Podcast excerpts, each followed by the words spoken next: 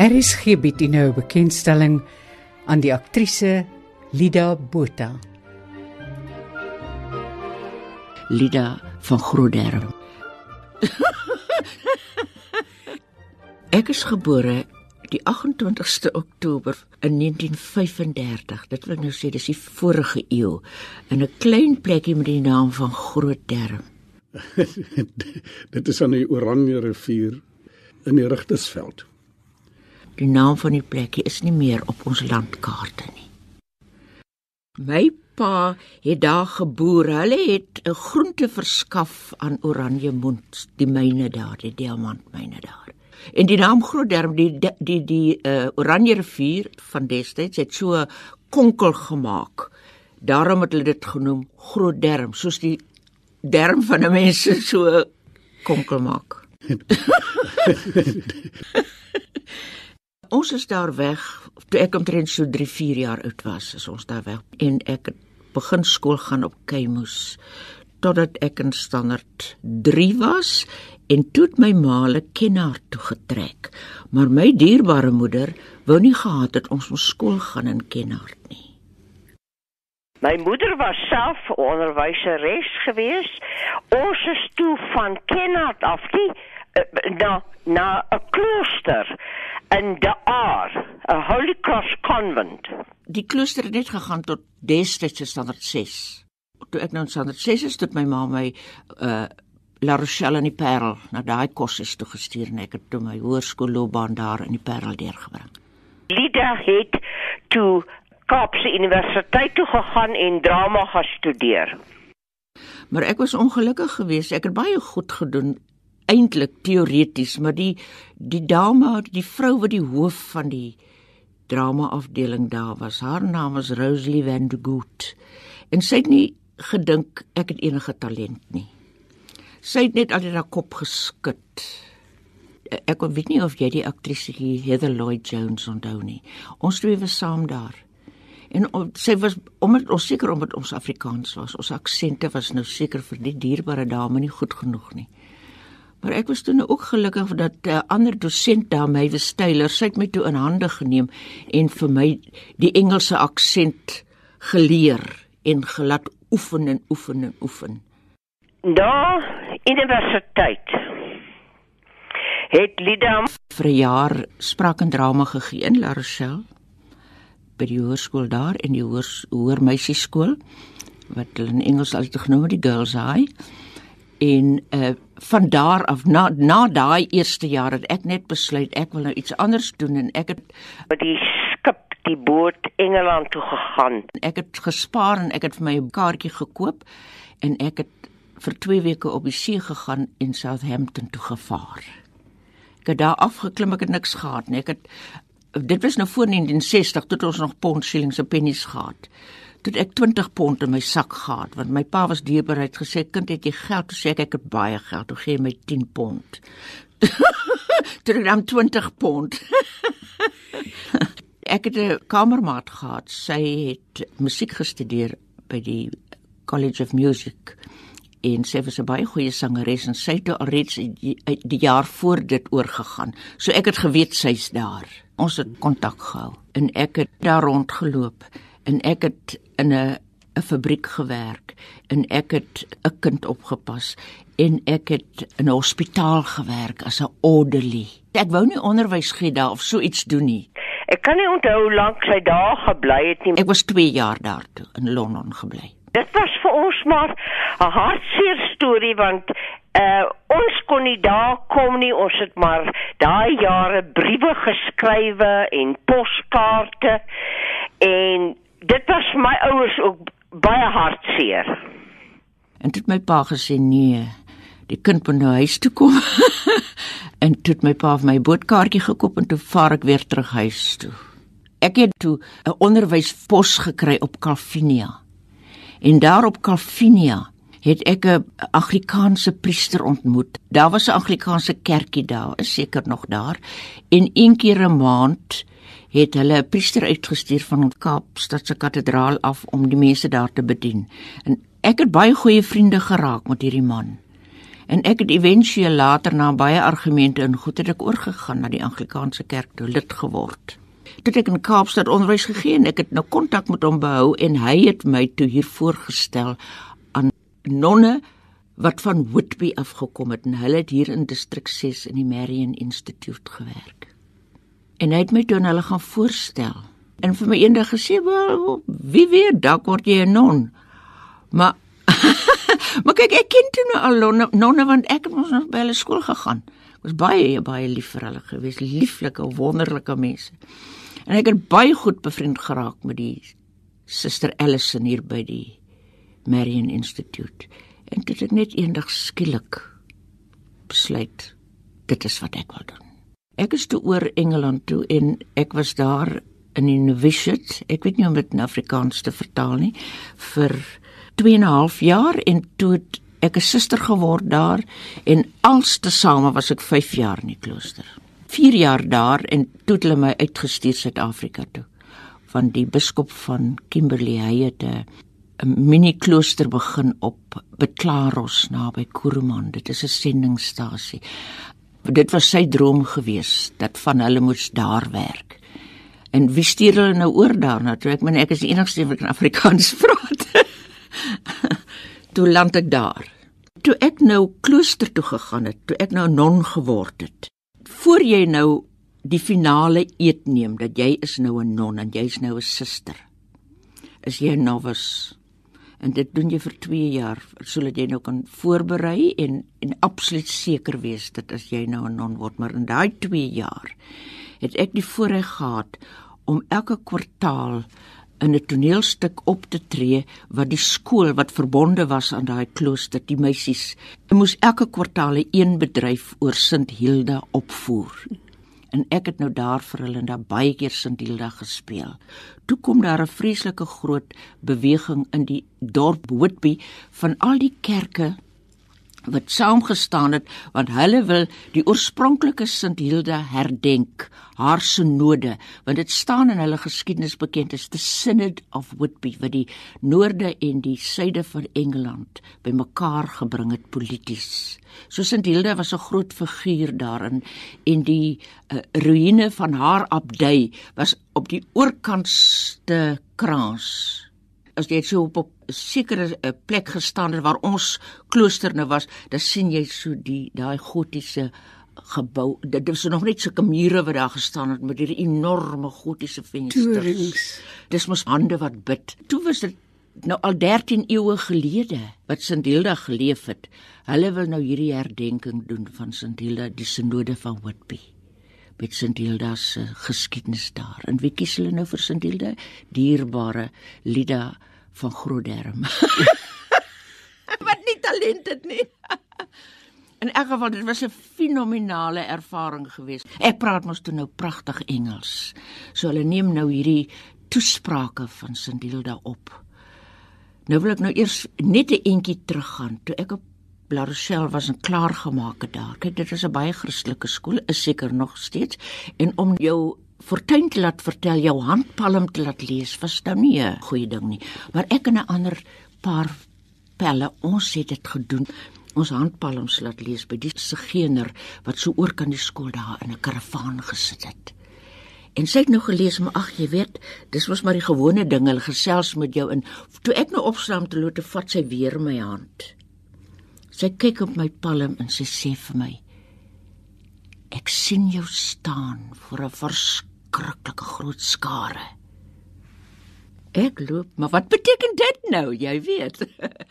Ek loop toe en ons lag nog daaroor en in die rare ding is toe ek daar in hierdie gotiese venster verskyn as Sint Hilda en so afkyk. Sit hier 'n skare mense by daai ruïnes van die abdij. En wat kom in my kop op? Ek sien jou staan voor 'n groot skare mense. Dis verstommend, né? Nee?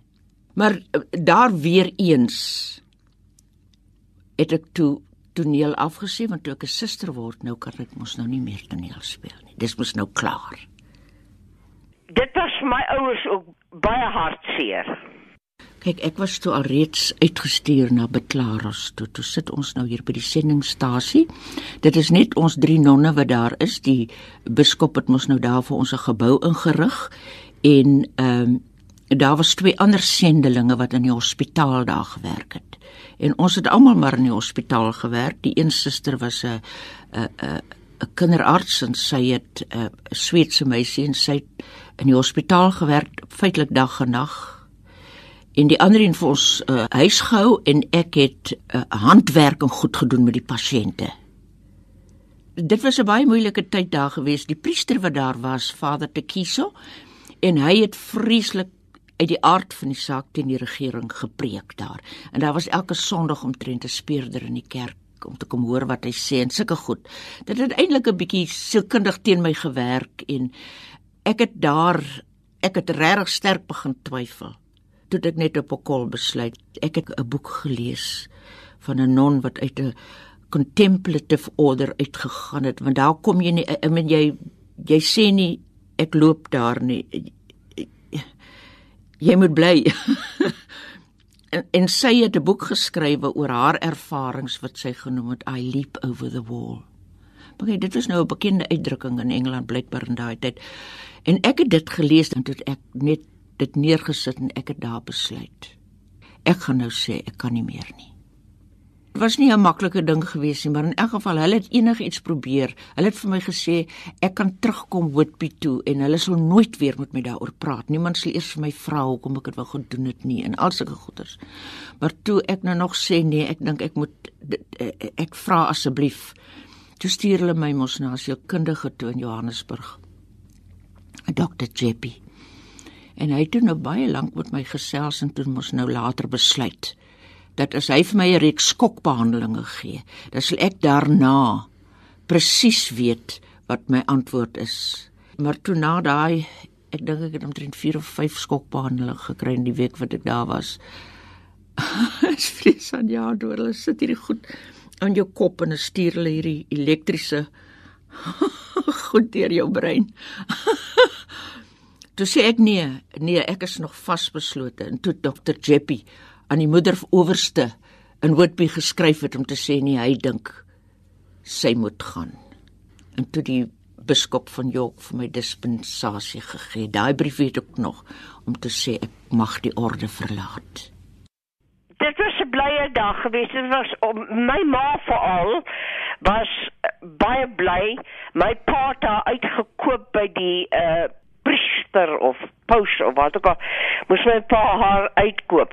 Sy het met uh uh, uh toe sy terugkom Suid-Afrika toe in in in 'n klein plekkie daar aan die kant Kimberley het sy gaan werk en daar het my ma haar van voor af aangetrek, skoene gekoop, klere gekoop. Ja, dit was 'n blye dag. Waar is jy die eerste keer voorgestel aan toneel? Toe ons in Keimus gebly het, het hierdie toneelgeselskappe mos met Wena nou die en daai mense ons daar omgekom. Dit was my heel eerste ervaring. Uh, dit was Wena nou die wat daaraan gespeel het en daar het ons as sulke groot chokkertjies almal het gegaan om om hierdie konserte soos ons dit destyds genoem het by te woon. Dis my eerste. Maar ek was gelukkig geweest in La Rochelle in die hoërskool. Ek praat nou hier van uh, uh, ek het soontoe gegaan in 1948 49 en toe was daar 'n drama spraak en drama onderwyseres by die skool. Babs Leiker, kan jy dit glo? En, en en die belangstelling het eers weer gekom, sterk gekom nadat ek getroud was met Johan Botha. Ek en Lida het in Bloemfontein ontmoet so wat 44 jaar ek dink gelede. Uh, ek was akteur daar. Lida het so pas teruggekom van Engeland en sy het onderwys gegee en en ek het by Mees Eksteen en Alta by hulle ingetrek vir die tyd. En Lida het die woordstel net onder die uh ene gebly. En daar was 'n struiery gewees oor waar Mees se klavier staan en uh, sy en 'n vriend van haar. En toe kom kyk hulle en hier kom klop hulle aan die deur en ek kyk hierdie lang bene hierdie mini rok met hierdie lang bene Ek het later haar gesig ook gesien. Dit is waar ons nou begin dit En hulle is in Bloemfontein is hulle getroud. Wanneer het jy professioneel begin speel? Toe Swark toe gegaan het.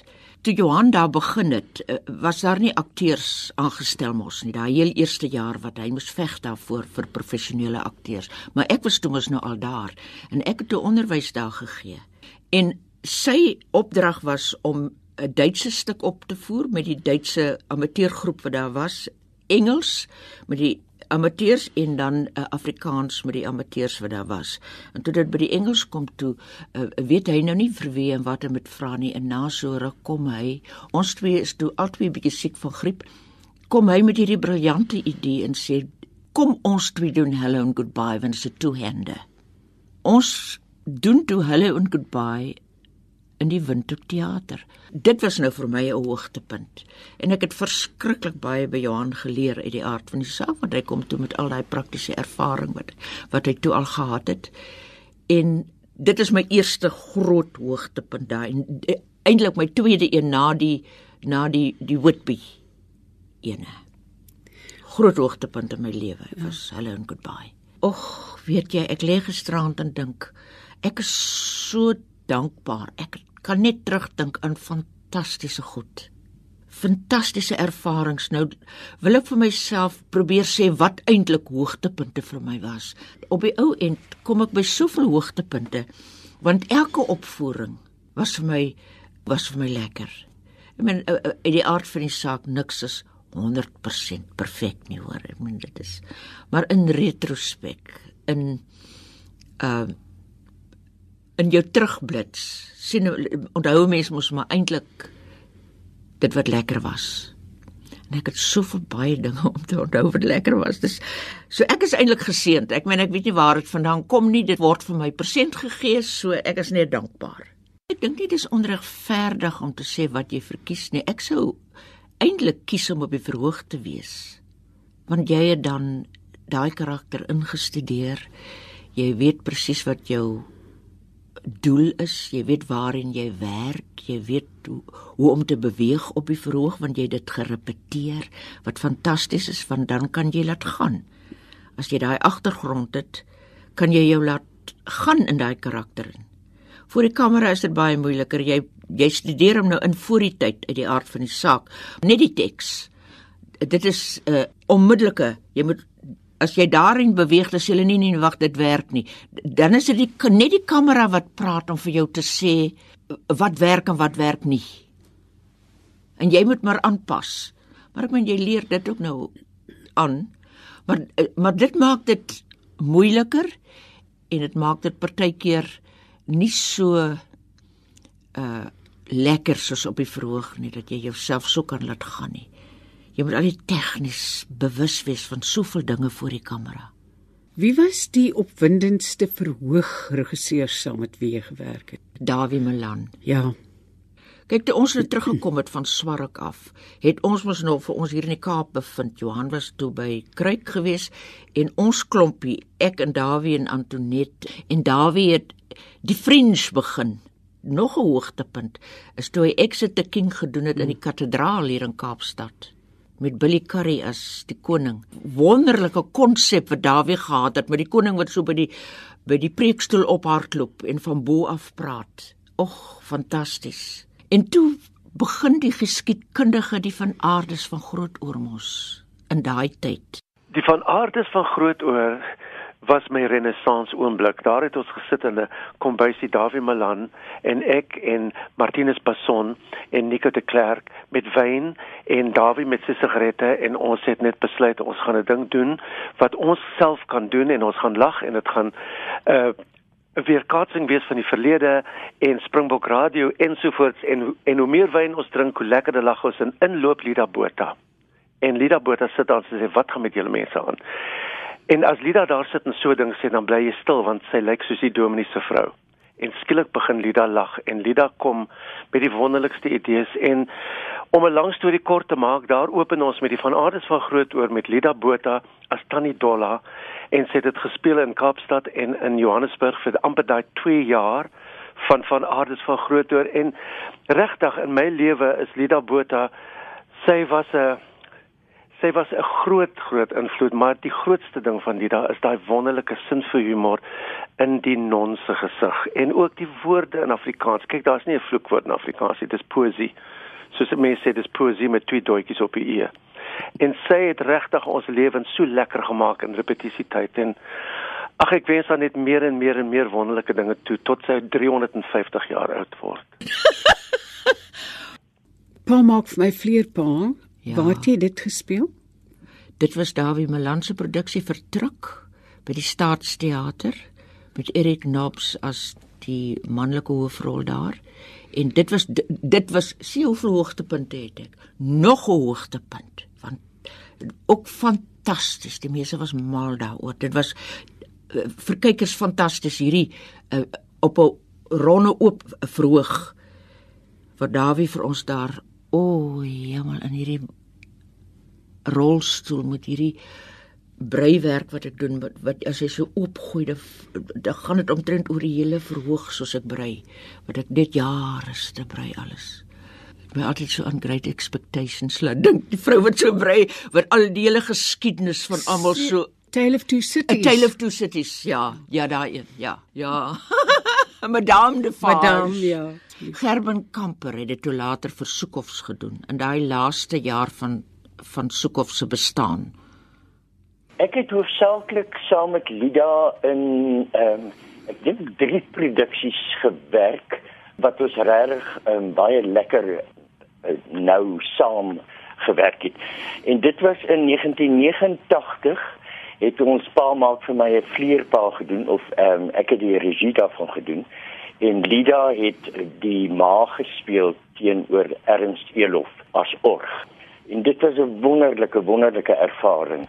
Dit is waar die eerste keer wat ek soort van as regisseur met haar gewerk het. Dit was ook baie suksesvol vir 'n wonderlik om vir Gerben te werk. Ek druk hom dood, ek is so lief vir hom.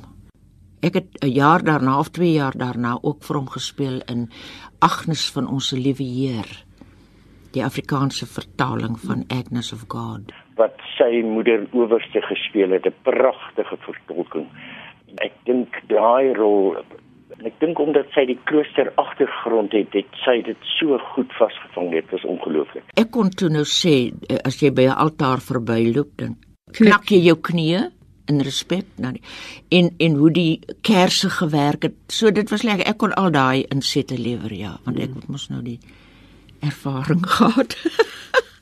Ons enigste non. en toe as speler het ek teenoor haar gespeel in Straties. En uh, dit was net so 'n lekker ervaring, eintlik nogal 'n dieper ervaring wat as regisseur kyk 'n mens na die geheel prentjie, maar as speler uh, is jy as individu teenoor individu betrokke. En dit was vir my 'n uh, regte voorreg want sy is 'n eerlike eerlike speelster ontvanklik 'n regisseur se droom soos klei in jou hande baie baie intelligent en daarom sal sy ook 'n uh, rol dissekteer sy sy gaan nie sommer uh, net in en doen 'n vertolking nie sy dissekteer en begin by die fynste klein puntjies en werk daardeur tot 'n mens die hele tapisserie in 'n vertolking vind. En oupa en ouma? Ja, Leon Creer het mos nou die radio vervolg vir haar geskryf. En toe het hy nou met Johan daar gesels en hulle toe besluit, Leon besluit hy wonder of hy nie moet 'n toneelstuk skryf van hierdie ou oom nie met hierdie twee ou karakters. Wat hy toe gedoen het. Ja, toe ons nou die verhoogstuk begin, toe uh, ek is deur Laipold wil toe ons daar so gesit en gesels en ons besluit toe ons gaan nou vir hulle 'n verhoogstuk skryf wat hulle letterlik in die kar kan toer landwyd. En dis wat ons toe gedoen het en 3 toneelstukke later kom maar reeks. Is sy 'n lekker speler om mee te werk? Ongelooflik. Sy is besmoontlik een van die mees vrygewige akteurs waarmee ek nog ooit gewerk het. Ehm um, sy sal nie noodwendig uh, speel om self goed te lyk nie. Sy sal speel dat jy goed lyk. Waar ek het ongelooflike respek daarvoor, um professioneel altyd voorberei, onsaglik goed voorberei, stiptelik en regie geen net vir halwe begrip. Sy weet presies wat jy wil hê. Jy weet Lida is die oermoeder hen. Destyds toe ek die regisseur was van die televisiereeks 1945, was 'n besonder moeilike reeks om te maak om verskillende redes. Maar ehm um, as die akteurs nou 'n bietjie bedroef was die dag dan uh, het Lida hulle almal so half onder haar vlerke ingetrek. Al die kuikens kon daar sit en warm broei. Sy het 'n baie kalmerende invloed op 'n stel. Sy het natuurlik heelwat benoemings al deur haar loopbaan gekry. In die vorige eeu het sy byvoorbeeld twee Mnet-pryse gekry vir die beste byspeler. Dit is vir Barta in die rolprent Villa se kind en dan vir Mims in The Schoolmaster. Dan in hierdie eeu het sy twee toekenninge gekry vir haar lewensbydrae tot haar kuns, die teater en film. Dit was die Kyknet Fiestas toekenning en dan 'n Golden Arrow fees toekenning vir haar lewensbydrae. Lida, hoe oud was jou ma toe sy oorlede is? My ma was ook omtrent 80. Dis sy my my pa ook snaaks genoeg was ook min of meer 80 81. Ons steek dit verby. My broer was 83. So. Hoe voel ek oor die dood? Ek voel dat ek nie vreeslik baie daaraan wil dink nie, want dit voel vir my hoe meer ek daaraan dink, hoe gouer sal dit kom, want dan konsentreer ek daarop.